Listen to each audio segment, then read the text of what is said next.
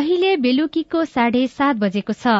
सामुदायिक सूचना नेटवर्क सीआईएनबाट अब प्रसारण हुँदैछ साझा खबर।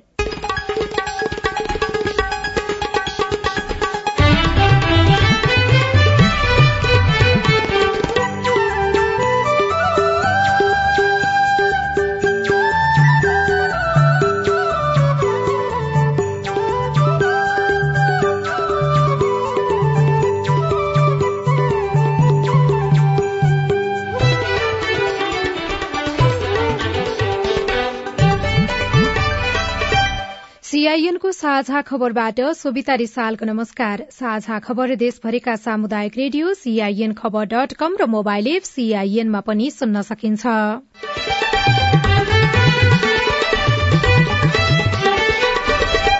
उम्मेद्वारले भोलिबाट आमसभा गर्न पाउने सार्वजनिक पदमा रहेका व्यक्तिले चुनावी प्रचारमा जाँदा आयोगको अनुमति लिनुपर्ने आचार संहिता पालनामा आयोगको थप कडाए सार्वजनिक पद धारण गरेका सम्मान्य प्रधानमन्त्रीज्यू मान्य मन्त्रीज्यूहरू प्रदेश मन्त्रीज्यूहरूले अनुमति लिएर जान सक्नुहुन्छ। निर्वाचनको लागि नेपाल भारत सीमा क्षेत्र बहत्तर घण्टासम्म बन्द रहने दशकौंदेखि मल र बिउको अभाव झेल्दै किसान दलका घोषणा पत्रमा भने कृषि क्षेत्र प्राथमिकतामा। तिस रुपियाँको मललाई साठी रुपियाँ तिर्नु परेछ भने जस्तो भएन। भने जस्तो कहाँ हुनु? अब यसपालि गाउँमा नै हाल्नु पाएन यहाँ नै हाल्नु पाएन त्यही त हो नि। अबको डेढ़ वर्षमा देशभरि विद्युतको राष्ट्रिय प्रसारण लाइन जोडिने अमेरिका र स्विजरल्याण्डसँग हवाई सम्झौता गर्न सरकारको अनुमति लक्ष्य अनुसार भन्सार महसुल उठेन कड़ाई गर्न भन्सार विभागको निर्देशन। कार्ययोजना रणनीतिका विषयमा छलफल गरेर कार्यालयहरूलाई चाहिँ परिपत्र गरेको अवस्था छ। र भारतमा बेरोजगारी थप बढ़्यो आईसीसी टी ट्वेन्टी विश्वकप क्रिकेटमा भारत र नेदरल्याण्ड विजयी।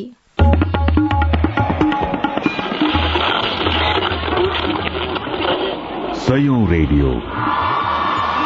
हजारौं रेडियो कर्मी र करोड़ौं नेपालीको माझमा यो हो सामुदायिक सूचना नेटवर्क सीआईएन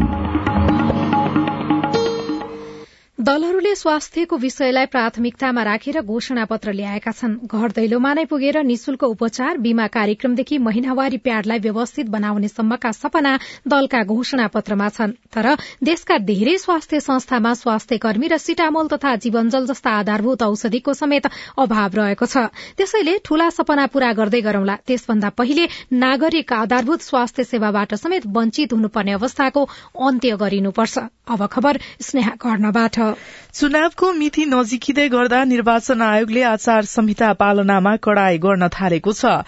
आयोगले निर्वाचन आचार संहिता उल्लंघन गरेको भन्दै हालसम्म एकहत्तर जनालाई स्पष्टीकरण सोधेको छ। मंगिर चारमा हुने प्रतिनिधि सभा तथा प्रदेशसभा निर्वाचनका लागि विभिन्न जिल्लाबाट उम्मेद्वारी दिएका उम्मेद्वार तथा अन्य व्यक्तिलाई समेत गरी एकहत्तर जनालाई स्पष्टीकरण सोधिएको प्रमुख निर्वाचन आयुक्त दिनेश थपलियाले जानकारी गराउनुभयो। आयोगको मुख्यालय मुख्यालयमा आज आयोजित पत्रकार सम्मेलनमा उहाँले स्पष्टीकरण छानबिन गरेर तथ्य र प्रमाण पुगेको ठाउँमा कार्यवाही प्रक्रिया अघि बढ़ाइसकेको पनि जानकारी दिनुभयो। आयोगले सार्वजनिक पद धारण गरेका व्यक्तिले निर्वाचन प्रचार प्रसारमा जाँदा निर्वाचन आयोगको अनुमति लिनुपर्ने पनि बताएको छ। निर्वाचन आयोगले नेपालको संविधानले प्रदान गरेको नेपालका कुनै पनि देशका भूभागमा आवत जावत गर्न पाउने स्वतन्त्रतालाई कुनै पनि रोकटोक गर्दैन। मात्रै सार्वजनिक पद धारण गरेका सम्मान्य प्रधानमन्त्रीज्यू मान्य मन्त्रीज्यूहरू प्रदेश मन्त्रीज्यूहरूले अनुमति लिएर जान सक्नुहुन्छ र त्यसरी जाँदाखेरि कुनै पनि सरकारी स्रोत साधनको प्रयोग गर्न हुँदैन भन्ने जुन व्यवस्था छ त्यसलाई हामीले पालना गराउन खोजेको हो। आयोगले उम्मेद्वारहरूको चुनावी खर्चको परीक्षण मान्यता प्राप्त लेखा परीक्षकबाट गराउने भएको छ। कानूनी व्यवस्थालाई व्यवहारिक कार्यान्वयनका निम्ति यसपटकबाट लेखा परीक्षण गर्न लागि प्रमुख निर्वाचन आयुक्त थपलियाले बताउनुभयो। निर्वाचनका लागि उम्मेद्वारहरूले भोलिबाट कोण सभा तथा आमसभा गर्न पाउने भन्दै उहाँले कोण सभा र आमसभा गर्दा लागेको खर्च मंगिर उन्नाइस गते भित्र बुझाइसक्न आग्रह गर्नुभयो। आचार संहिता उल्लंघन गर्ने एकहत्तर जना व्यक्ति र संस्थालाई आयोगबाट स्पष्टीकरण दिएको छ। यसको निम्ति आयोगले उहाँहरूले पेश गरेको स्पष्टीकरणको आधारमा त्यसलाई छानबिन गरेर तथ्य र प्रमाण पुगेको हकमा कारवाही प्रक्रिया अगाडि बढिसकेको छ। त्यो आयोगको बैठकले नै निर्णय गर्न पर्छ। तथ्य र प्रमाण कतिपय ठाउँमा नपुगेको अथवा भोलि आयोगले गरेको निर्णय उप कहीँ सुनवाई हुँदा पुनरावलोकन गर्न जाँदा सम्मानित अदालतमा त्यसमा पेश हुँदा आयोग नचुकोस् भन्ने ध्येयले तत्त ठाउँमा पुनः बुझ्नको निम्ति स्थानीय प्रशासनलाई पनि क्रिया तुल्याइएको छ। आयोगले निर्वाचन आचार संहिता लागू भइसकेको अवस्थामा जग्गा वितरण र त्यस सम्बन्धी सम्पूर्ण काम तत्कालका लागि रोक्न पनि निर्देशन दिएको छ। प्रमुख निर्वाचन आयुक्त थपलियाले कार्तिक सत्र गतेदेखि दोस्रो चरणको चुनावी प्रचार प्रसार गर्न पाइने भन्दै सार्वजनिक पदमा आसीन व्यक्तिले प्रचार प्रसारमा जाँदा आयोगको अनुमति लिनुपर्ने बताउनुभयो। नेपाल भारत सीमा क्षेत्र निर्वाचनमा बहत्तर घण्टासम्म बन्द रहने भएको छ। नेपाल भारत सीमा जोड़िएका जिल्ला अधिकारीहरूको बसेको सुरक्षा बैठकले नेपालको आसन्न निर्वाचनमा सीमा क्षेत्र वरपर शान्ति सुरक्षा कायम गर्ने उद्देश्यले बहत्तर घण्टासम्म सीमा क्षेत्र बन्द गर्ने निर्णय गरेको नवलपुरका प्रमुख जिल्ला अधिकारी सुमन घिमिरेले सीआईएनसँग बताउनुभयो। मंगिर चारमा हुने निर्वाचन लक्षित सुरक्षा व्यवस्था र त्यसमा सीमा नाका चाहिँ दुई गतेदेखि चार गतेसम्म सिल गर्ने र अन्तर सीमा क्षेत्रमा हुने अपराधिक गतिविधि नियन्त्रण जस्तै अब यो लागु औषधको ओसार पसार होइन तस्करी नियन्त्रण अवैध मुद्राहरूको ओसार पसार लगायतका विषयहरूमा चाहिँ अब सूचनाहरू प्रभावकारी रूपमा आदान प्रदान गर्ने र ती अपराधिक क्रियाकलापहरूलाई नियन्त्रण गर्न दुवै देशका सीमावर्ती जिल्लाका सुरक्षा अधिकारीहरूले गौतहट बारा पर्सा चितवन नवलपरासी पूर्व र नवलपरासी पश्चिम जिल्लाका अधिकारीहरू र उता भारततर्फका चाहिँ पूर्वी चम्पारण र पश्चिम चम्पारण जिल्लाका अधिकारीहरूले समन्वय गर्ने विषयमै हामीले छलफल केन्द्रित गरेर निर्णयहरू गर्यौं भन्सार विभागले पहिलो त्रैमासिकमा लक्ष्य अनुसारको राजस्व संकलन गर्न नसकेपछि देशभरिका भन्सार कार्यालयलाई सन्दर्भ मूल्य सूची कड़ाएका साथ कार्यान्वयन गर्न निर्देशन दिएको छ। विभागले चालू आर्थिक वर्षको पहिलो त्रैमासिकमा एक सय सड़चालिस अर्बको लक्ष्य राखेकोमा सन्तानब्बे अर्ब मात्रै भन्सार महसुल असुली भएपछि भन्सार जाँच पासका प्रक्रियामा सन्दर्भ मूल्य सूचीलाई कड़ाएका साथ पालना गर्न निर्देशन दिइएको भन्सार विभागका सूचना अधिकारी पुण्य विक्रम खड्काले सीआईएनसँग बताउनुभयो। एक खर्ब पनि राजस्व नउठेको अवस्था भएपछि हामीले त्रैमासिक रूपमा चाहिँ समीक्षा गरे हो। त्यो मन्त्रालय स्तरमा पनि भयो। त्यसपछि चाहिँ हामीले केही कार्ययोजना रणनीतिका विषयमा छलफल गरेर कार्यालयहरूलाई चाहिँ परिपत्र गरेको अवस्था छ। आन्तरिक नियन्त्रण प्रणाली काहीँ कमजोरी छ भने त्यसलाई हेर्नु चुवाटहरू भइरहेको कुनै भन्दा फरक नाकाहरूबाट खुल्ला सीमाको कारणले भएको छ भने त्यो हेर्नुहोस् आन्तरिक रूपमा जाँचपास बढी माल वस्तुको वर्गीकरणमा कमी कमजोरीहरू गर्नु भएको छ भने त्यसलाई आलेप गरेर अथवा पुनः छड्के जाँच गरेर यथार्थ राजस्व सङ्कलन गर्ने काम गर्नुहोस् भनेर निर्देशन जारी भएको अवस्था हो। विभागले पहिलो त्रैमासिकमा लक्ष्यको छैसठी प्रतिशत मात्र राजस्व संकलन गरेपछि कार्तिक दुई गते देशभरिका कार्यालय प्रमुखहरूलाई बोलाएर समीक्षा गोष्ठी गरेको थियो। नेपाल विद्युत प्राधिकरणका कार्यकारी निर्देशक कुलमान घिसिङले अबको डेढ़ वर्षमा कर्णाली लगायत देशका सबै बस्तीमा विद्युतको राष्ट्रिय प्रसारण लाइन जडान गर्ने बताउनु भएको छ। कार्यकारी निर्देशक घिसिङले अबको दुई वर्षमा देशभरि राष्ट्रिय प्रसारण लाइनको बिजुली पुर्याउने र देशैभरि लोड सेडिङ पूर्ण रूपले अन्त्य गर्ने दावी गर्नुभयो। नेपाल अधिराज्यभरि हन्ड्रेड पर्सेन्ट इलेक्ट्रिफिकेसन। गर्ने भनेर दुई वर्षभित्र भनेको छौँ। अब दुई वर्ष भनेको पनि छ महिना सकिसक्यो। डेढ वर्ष दुई वर्षभित्र चाहिँ हामी गर्छौं। भौगोलिक विकटताले गर्दा मात्रै हो।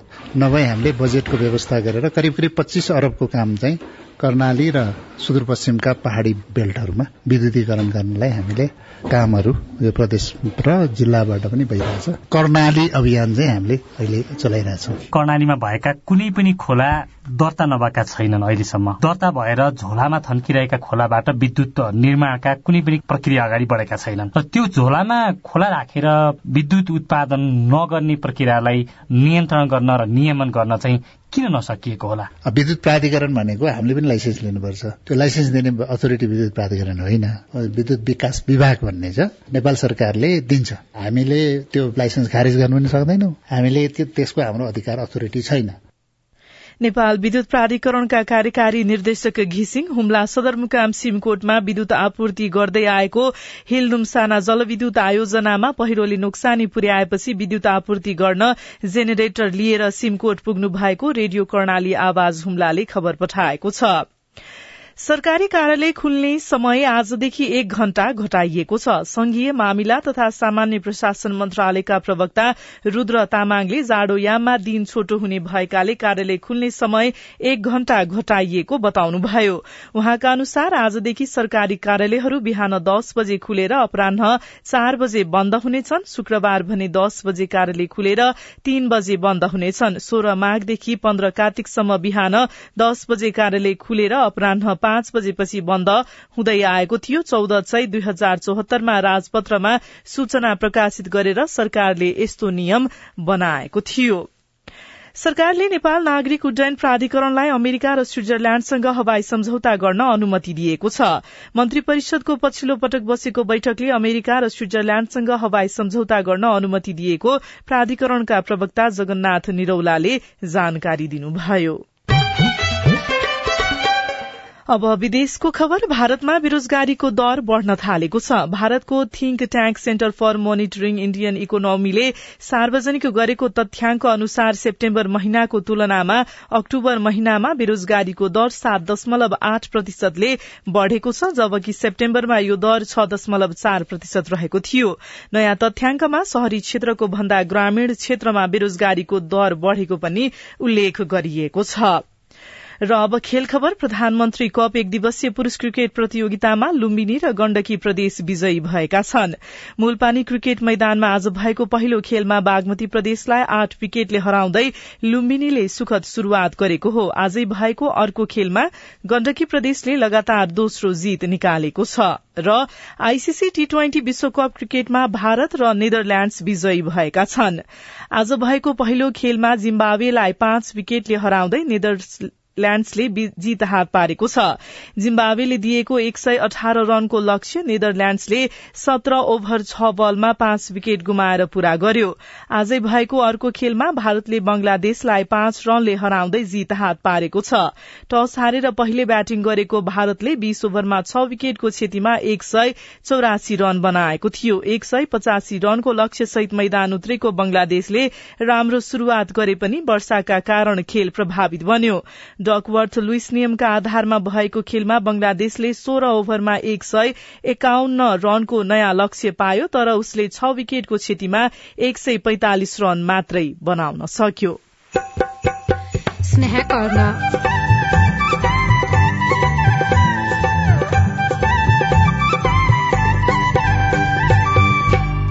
काभ्रेमा केही पुराना केही नयाँ अनुहारको प्रतिस्पर्धा चुनावी चर्चा। अब आउने जनप्रतिनिधि भनेको राजधानी केन्द्रित नभई आफ्नो क्षेत्र केन्द्रित भई जनभावनाको कदर गर्ने झुटको खेती नगर्ने पारदर्शिता र जवाबदेहिता वहन गर्ने हुनुपर्छ। निर्वाचन क्षेत्रका नागरिकको दुःख सुख बुझ्ने उम्मेद्वारलाई भोट हाल्ने नागरिकको चाहना रिपोर्ट। दलका घोषणा पत्रमा कृषिका मुद्दा कति समेटिए निर्वाचन विशेष सामग्री बाँकी नै छन् सीआईएनको साझा खबर सुन्दै गर्नुहोला। नमस्कार म रुबिना तामाङ। यौनिक तथा लैङ्गिक अल्पसंख्यक समुदायको प्रतिनिधिको रूपमा आज म कोभिड नाइन्टिनको बारेमा तपाईँहरूसँग केही कुरा गर्न गइरहेको छु। तपाईँहरूलाई थाहा नै छ कि कोभिड नाइन्टिनको नयाँ नयाँ भेरिएन्टहरू आउने क्रम जारी नै छ र संक्रमणको जोखिम पनि यथावत नै छ। त्यसैले कोभिड नाइन्टिनको संक्रमणबाट बच्ने मुख्य उपाय भनेकै कोभिड नाइन्टिन विरुद्धको खोप लगाउनु हो।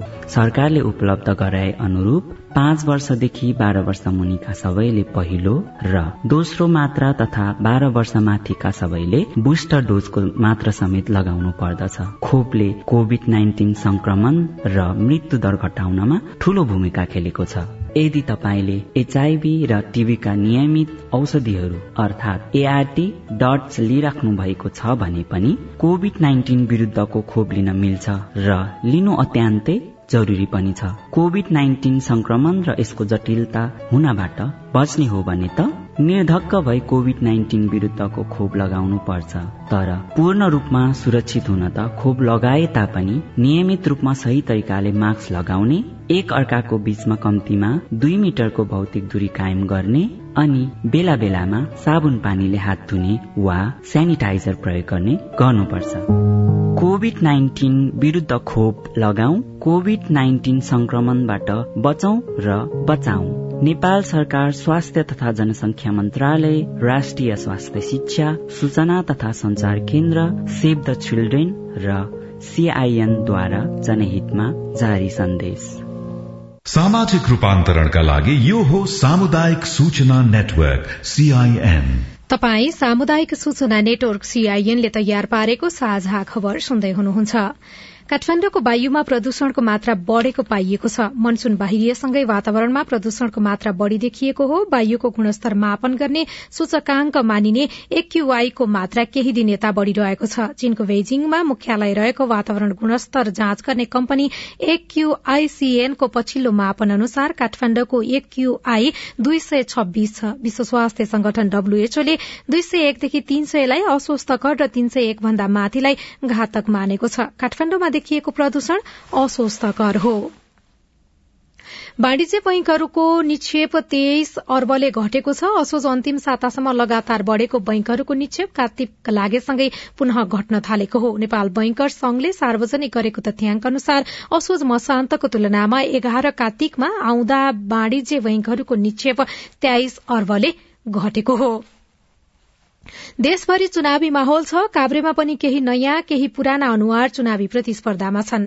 उनीहरूले विकासको आश्वासन मतदातालाई बाँडिरहेका छन् तर मतदाता यसअघिका उम्मेद्वार जस्तो चुनाव जितेपछि फर्किएर नजानेलाई होइन वास्तवमा नै गाउँघरको अवस्था फेर्न सक्ने उम्मेद्वारलाई जिताउने बताउँछन्। चुनाव नजिकै गर्दा उम्मेद्वारहरू जति उत्साहित छन् मतदाताहरू पनि उति नै उत्साहित छन्। काभ्रेमा प्रतिनिधि सभाको लागि दुई निर्वाचन क्षेत्र तथा प्रदेश सभाका लागि चार निर्वाचन क्षेत्र रहेका छन्। प्रतिनिधि सभातर्फ क्षेत्र नम्बर एकमा सत्रजना उम्मेद्वार प्रतिस्पर्धामा रहेको भए पनि मुख्य गरी गठबन्धनबाट सूर्यमान दोङ लालधोज र नेकपा एमालेबाट रेशम लामाको प्रतिस्पर्धा हुने देखिएको छ। त्यस्तै क्षेत्र नम्बर दुईमा सोह्रजना उम्मेद्वार रहेका छन् तर मुख्य गरी लोकतान्त्रिक वाम गठबन्धनबाट शिव प्रसाद हुमगाई र नेकपा एमालेबाट गोकुल बास्कोटाको प्रतिस्पर्धा हुने देखिन्छ। यसपटक मतदाता भने पार्टी भन्दा व्यक्ति हेरेर भोट हाल्ने मनसाईमा रहेका छन्। पाँचखाल नगरपालिका चार फेदीका शिवराम काफले। चुनावमा भोट माग्न आउँछन्। तर जितेर गएपछि फर्केर आउँदैनन्। जुन पार्टी वा उम्मेद्वारले जिते पनि विकासका कुरामा पक्षपात नगरून् भन्ने चाहना नागरिकको रहेको छ। अब भाषणमा मात्र नभई विकास र सुशासनमा जोड़ दिनुपर्ने नागरिकको जोड़ रहेको छ। महाभारत गाउँपालिका चारका जगत लामा र पनौती छका राजकुमार दुलाल। विकासको क्षेत्रमा समानुपातिक विकास र समृद्धि नेपाल बनाउनका लागि घोषणा पत्रमा मात्र समावेश गरेका एजेन्डालाई कार्यान्वयन गर्न जरुरी छ। अब आउने जनप्रतिनिधि भनेको राजधानी केन्द्रित नभई आफ्नो क्षेत्र केन्द्रित भई जनभावनाको कदर गर्ने झुटको खेती नगर्ने पारदर्शिता र जवाबदेहिता वहन गर्ने हुनुपर्छ। काभ्रेमा निर्वाचनको तयारी कसरी भइरहेको छ? जिल्ला निर्वाचन अधिकृत उमेश राई भन्नुहुन्छ। कर्मचारी व्यवस्थापन कामहरू चाहिँ भइरहेको छ अहिले। टोटल मतदान केन्द्रमा चाहिँ करिब करिब एकतिस बाह्र कर्मचारीहरू चाहिँ परिचालन हुने अवस्था रहेको छ। काभ्रेमा तीन सय उनासी मतदान केन्द्र तोकिएको छ। दुवै तहका लागि काभ्रेमा चौसठी जना उम्मेद्वार रहेका छन् भने तीन लाख दस हजार त्रिसठी जना मतदाता रहेका छन्। Shobha Humagai CIN radio Rosi Bhakunde Kavre Palancho. साझा खबरमा अब हेलो सीआईएन सजना तिमल सिन्हाबाट। नमस्कार मेरो नाम लक्ष्मी घरती मगर। म गंगादेव गाउँपालिका रोल्पाबाट। मेरो बिएड प्रथम वर्षको प्रवेश कार्डमा भुलवश मैले भरेको थिएँ र उक्त विषय पछि पास भएको मैले थाहा पाइसकेपछि उक्त विषयको मैले परीक्षा दिएको थिएन।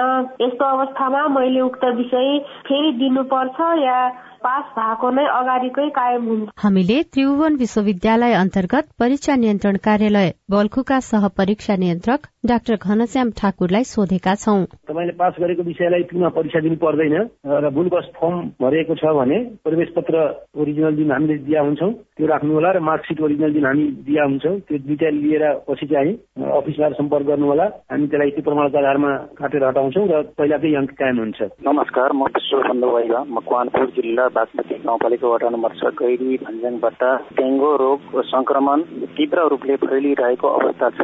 यस रोगले महामारी लिने रूप देखिन्छ र यसप्रति सरकारले कस्तो योजना बनाउनु भएको छ? जवाफ दिँदै हुनुहुन्छ स्वास्थ्य तथा जनसंख्या मन्त्रालयका सहप्रवक्ता डाक्टर समीर कुमार अधिकारी। यसमा एउटा तह अथवा एउटा व्यक्ति अथवा एउटा निकायले मात्रै समाधान गर्न सक्छ भन्ने कुरा हुन्न। यो फेरि स्वास्थ्य संस्था अथवा स्वास्थ्य कर्मीको प्रयासले मात्रै सम्भव छ भन्ने कुरा पनि होइन भन्ने कुराहरू चाहिँ बुझाउने र सबैलाई एकै ठाउँमा ल्याउने र दीर्घकालीन सरसफाइका योजनाहरू बनाउन लामखुट्टेका वृद्धि विकासका कुराहरूलाई कसरी व्यवस्थित गर्न सकिन्छ भन्ने कुराहरूका लागि तपाईँ हामी व्यक्तिले समुदायले गर्ने सरसफाइका क्रियाकलापहरू हुन्। तपाई जुनसुकै बेला हाम्रो टेलिफोन नम्बर शून्य एक बान्न साठी छ चार छमा फोन गरेर आफ्नो प्रश्न जिज्ञासा गुनासा अनि समस्या रेकर्ड गर्न सक्नुहुनेछ। तपाई सामुदायिक सूचना नेटवर्क सीआईएनले काठमाण्डुमा तयार पारेको साझा खबर सुन्दै हुनुहुन्छ। साझा खबर मोबाइल एप नेपाली पात्रबाट पनि सुनिरहनु भएको छ। दलहरूका घोषणा पत्रमा कृषि क्षेत्र प्राथमिकतामा किसानहरूलाई चाहिँ आलु लगाउनलाई मल छैन सिँचाइको लागि कुलाहरू नहरहरू छैनन्। कृषिमा आधुनिकरणै कम्ती भयो गाउँमा। भन्ने मात्रै भयो भाषण छाट्ने मात्रै कुरा भयो नेताहरूको। तर घोषणा कार्यान्वयन हुनेमा किसान छैनन् विश्वस्त। रिपोर्ट भक्तपुरमा चुनावी रौनक। कृषिको विषय उम्मेद्वारको मुख्य एजेण्डा लगायतका सामग्री बाँकी नै छन्। सीआईएनको साझा खबर सुन्दै गर्नुहोला।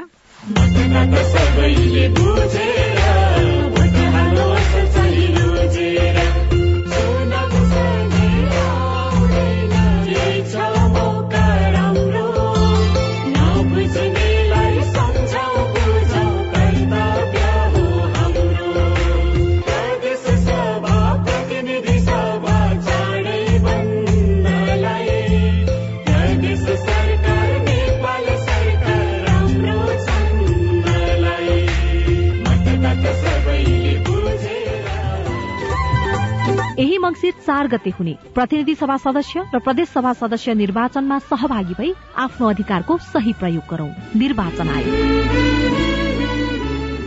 सामाजिक रूपान्तरणका लागि यो हो सामुदायिक सूचना नेटवर्क सीआईएन तपाई सामुदायिक सूचना नेटवर्क सीआईएनले काठमाण्डुमा तयार पारेको साझा खबर सुन्दै हुनुहुन्छ।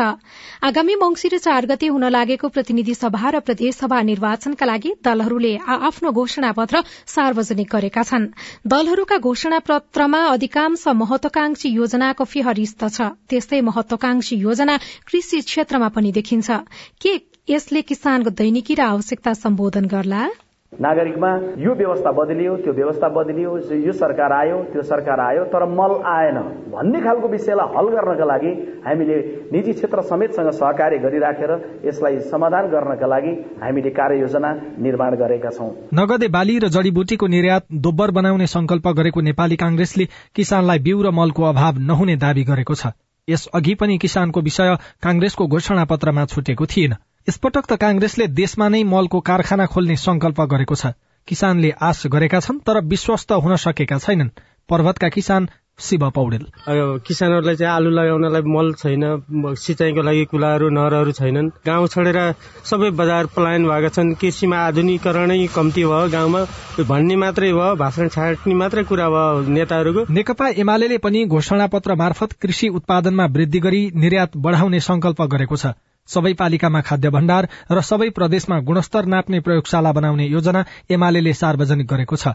माओवादी केन्द्रले पनि सामूहिक खेती प्रणाली र चक्लाबन्दीको लागि विशेष योजना सहितको घोषणा पत्र सार्वजनिक गरेको छ। कृषि र किसानलाई केन्द्रबिन्दुमा राख्ने कृषि योग्य जमिन बाँझो राख्ने स्थितिको अन्त्य गर्ने जग्गा एकीकरण चक्लाबन्दी र सामूहिक खेती मार्फत कृषि उत्पादन वृद्धि गर्ने बाली लगाउन अघि नै कृषि मल खेतबारीमा पुग्ने व्यवस्था गर्ने कृषि उपजको उचित मूल्य प्राप्त गर्ने सुनिश्चित गर्ने प्रत्येक प्रदेशमा दुईटा आधुनिक औद्योगिक केन्द्र निर्माण गर्ने हरेक पालि नगरपालिकामा एक औद्योगिक ग्राम निर्माण गर्ने। नेकपा एकीकृत समाजवादीले विदेशबाट फर्केर नेपालमै कृषि कर्म गर्न चाहने युवालाई दस लाखसम्म निर्ब्याज ऋण उपलब्ध गराउने बाचा गरेको छ। राप्रपाले तीन वर्षभित्रै रासायनिक मल कारखाना स्थापना गर्ने किसानको खेतखेतमा बिजुली पुर्याउने घोषणा गरेको छ। ठूला साना तथा स्वतन्त्र सबैतर्फका उम्मेद्वारको प्राथमिकता कृषि क्षेत्र छ। वर्षौंदेखि आधुनिक कृषिका सपना बाँडेका दलहरूले यसपटक सरकारको नेतृत्व गरे तर कृषिका ती सपना चुनावी नारा मात्रै बन्ने गरेकाले यसपटक पनि किसानहरू त्यति विश्वस्त छैनन्। भक्तपुरका किसान सानुमाया सैजु। हामीलाई पानी भनौँ न अब बोर्डिङ गर्नुपर्छ कहीँबाट पानी आएको छैन। हामीलाई मोलजोल अलिक सस्तो भइदिएर यस्तो लगाएको खेती राम्रोसँग उतार्नु पाएदेखि त्यो हो कि सजिलो? घोषणा पत्र हेर्दा पाँच वर्षमा कृषि क्षेत्रमा आमूल परिवर्तन ल्याउने दावी सबै दलहरूको देखिन्छ। चुनावबाट बहुमत ल्याउने दल वा आफ्नो नेतृत्वमा संसदमा बहुमत जुटाउन सक्ने दलले अबको पाँच वर्ष सरकारको नेतृत्व गर्नेछ। तर कृषि क्षेत्रका विज्ञहरू जसको नेतृत्वमा सरकार बने पनि किसान सामु बाँडिएका सपना पूरा हुनेमा ढुक्क छैनन्। राष्ट्रिय कृषक समूह महासंघका अध्यक्ष नवराज बस्नेत। यो गर्छौ ऊ गर्छौ यसो गर्ने उसो गर्ने भन्ने हिसाबले आइरहेको स्थिति छ। कार्यान्वयनको ग्यारेन्टी यसरी गर्छौ भन्ने हिसाबले आएको अवस्था छैन जसले गर्दाखेरि कार्यान्वयन हुने तहमा हामी एकदमै किसानहरूको तर्फबाट भन्दाखेरि हामी ढुक्क छैनौँ कि शङ्कै शङ्का गर्ने ठाउँहरू किसानको वास्तविक पहिचान भौगोलिक अवस्थिति र खेती प्रणाली तथा देशको वर्तमान आर्थिक अवस्था नहेरी महत्वाकांक्षी घोषणा पत्र ल्याएकाले पूरा गर्नमा चुनौती नै रहेको स्वयं दलका नेता कार्यकर्ताहरू स्वीकार गर्छन्। अविनाश आचार्य सीआईएन प्रतिनिधि सभामा दुईवटा निर्वाचन क्षेत्र रहेको भक्तपुरमा एक लाख चौरानब्बे हजार चार सय उनाचालिस जना मतदाता छन् जसमध्ये धेरै जसो किसान छन्। त्यसैले निर्वाचन आउने बित्तिकै दल र उम्मेद्वारले कृषि क्षेत्रसँग सम्बन्धित के के विषय उठान गरे भन्ने उनीहरूलाई चासो हुन्छ। तर यसअघि निर्वाचित उम्मेद्वारले गरेका प्रतिबद्धता पूरा नगरेकाले किसानहरू खिन्न छन्। राति बजारमा फेरि त्यही भएर दिउँसोको यसो तन्तलापुरको घाममा पनि म काम गर्दैछु। आफ्नै काममा व्यस्त भनौँ न यसलाई। भक्तपुरको क्षेत्र नम्बर दुई मनोहरा नगदेशका किसान राजन बाडे यति बेला खान ठिक्क भएको पालुङ्गोको साग बजारसम्म पुर्याउने चटारोमा हुनुहुन्छ। साग उहाँको घर खर्च चलाउने मुख्य स्रोत हो। तीन रोपनी जग्गामा व्यावसायिक तरकारी खेती गर्ने उहाँलाई चुनावले खासै छोएको छैन। तर उहाँ भोट हाल्ने तयारीमा हुनुहुन्छ। आशा गरौँ पर्दैन नपरौँ किनभने पहिलादेखि हामी निराशमै परिरहेको अहिले आएर फेरि पाउँछ भने चाहिँ आशा पनि नगरौँ। भोट त हाल्नुहुन्छ। भोट त हाल्नुहुन्छ हाल्छु म त। सानो ठिमीका किसान सानु माया माझीले यो वर्ष पाँच रोपनी खेतमा लगाएको धानको उब्जनी आधा घट्यो। यसको मुख्य कारण रासायनिक मल र सिंचाईको अभाव हो। हरेक निर्वाचनमा उम्मेद्वारले किसानलाई आधुनिक मल बिउ व्यवस्था गर्ने बताए पनि त्यसो हुन नसकेको उहाँको गुनासो छ। भोट हालेपछि त अब त मल निस्किन्छ भने थियो के को मल निस्किनु? झन् महँगो। तिस रुपियाँको मललाई साठी रुपियाँ तिर्नु परेछ भने जस्तो भएन। भने जस्तो कहाँ हुनु? अब यसपालि गाउँमा नि हाल्नु पाएन यहाँ नै हाल्नु पाएन त्यही त हो नि। अब चाहिँ के गर्दैदेखि हुन्थ्यो? अब त गर्दै त हुन्थ्यो नि। सबै थोकको भाउ बिक्री महँगी सबै मिलाइदिए त हुन्थ्यो नि। त्यही हो। भक्तपुरको बाह्र हजार सात सय अडतिस हेक्टर क्षेत्रफल मध्ये आठ हजार सतहत्तर हेक्टरमा खेती गरिन्छ।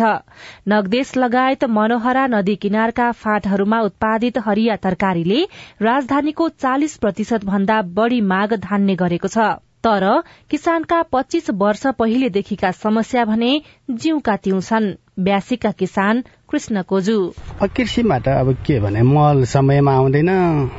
अब नयाँ नयाँ बालीको विकासे बाली ल्याउँदैन त्यही हो। पहिला पुरानोकै गरिराख्नुपर्छ। बिउ नराम्रो ल्याएपछि जति मिहिनेत गरे पनि फल आउने। ऊ यस्तै हो। यसपालिको कौली त्यस्तै। जति मिहिनेत गरे पनि त्यस्तै। निर्वाचन आउने लाग्दा पनि अहिलेसम्म कुनै उम्मेद्वारलाई आफूहरूले भेट्न नपाएको उनीहरूको गुनासो छ। उनीहरू भन्छन् अहिलेसम्म कुनै पनि उम्मेद्वार हाम्रो समस्या बुझ्नै आएनन्। कोही चुनाव त ल्याइरहेको थियो घर घरमा आएको छैन थाहा नै छैन त्यति। अब त चुनाव आउन आउन भनेर त रेडियोमा भनिरहेको छ त्यही पनि घर घरमा आएको छैन उनीहरूले हामीले थाहा नै छैन। नेताले भन्छन् घर घरमा धारा कसैले दुःख गर्नु पर्दैन। आउने दिन मात्रै गयो त्यो भोलिपल्ट। त्यो दिन त सिधै हो। हामी चर्को घाममा फाटा माटोमा बसेर कुरा गरेर छौँ उनीहरू कुर्चीमा होला नि रे। हो कि होइन? कुर्सीमा बसेर पनि एउटा जनतालाई केही गर्नुपर्छ यस्तोमा यस्तो है भनेर सिकाउनु पर्यो नि मान्छेलाई गरेर देखाउनु पर्यो। हामीलाई कुनै सुविधा छ भन्नु त तर पनि किसानको आशा भने मरेको छैन। अब निर्वाचित हुने सांसदले आफूहरूका समस्या समाधान गर्लान् भन्ने विश्वासमा रहेको चागु नारायण चारका किसान पुण्यराम बासुकला बताउनुहुन्छ। अब सांसद त्यसै घुस नखाने राम्रै काम गर्ने जनताको सेवा गर्ने त्यस्तो हुनु पर्यो। निर्वाचनका बेला मिठा कुरा गरे पनि र मुखले ठिक्क पारे पनि त्यसपछि नाक मुख नदेखाउने उम्मेद्वारको व्यवहारका कारण भक्तपुरका किसान पनि हैरान छन्। तर उनीहरूसँग यसपटक निर्वाचित हुने उम्मेद्वारले आफूहरूका समस्या समाधान गर्लान् भन्ने आशा गर्नुको विकल्प भने छैन। सुशीला श्रेष्ठ सीआईएन काठमाडौँ निर्वाचनका लागि उम्मेद्वारहरूले भोलिबाट आमसभा गर्न पाउने भएका छन्। सार्वजनिक पदमा रहेका व्यक्तिले चुनावी प्रचारमा जाँदा आयोगको अनुमति अनिवार्य लिनुपर्ने भएको छ। निर्वाचनको लागि नेपाल भारत सीमा क्षेत्र बहत्तर घण्टासम्म बन्द हुनेछ। किसानहरू दशकौंदेखि मल र बिउको अभाव झेल्दै आइरहेका छन् तर दलका घोषणा पत्रमा भने कृषि क्षेत्र प्राथमिकतामा परेको छ। अबको डेढ़ वर्षमा देशभरि विद्युतको राष्ट्रिय प्रसारण लाइन जोडिने प्राधिकरणका कार्यकारी निर्देशक घिसिङले बताउनु भएको छ र भारतमा बेरोजगारीको दर बढ़दै गएको छ। आजलाई साझा खबरको समय सकियो प्राविधिक साथी सुरेन्द्र सिंहलाई धन्यवाद। भोलि कार्तिक सत्र गते बिहान छ बजेको साझा खबरमा फेरि भेटौँला। अहिलेलाई सोभिता रिसाल पनि विदा हुन्छु। नमस्कार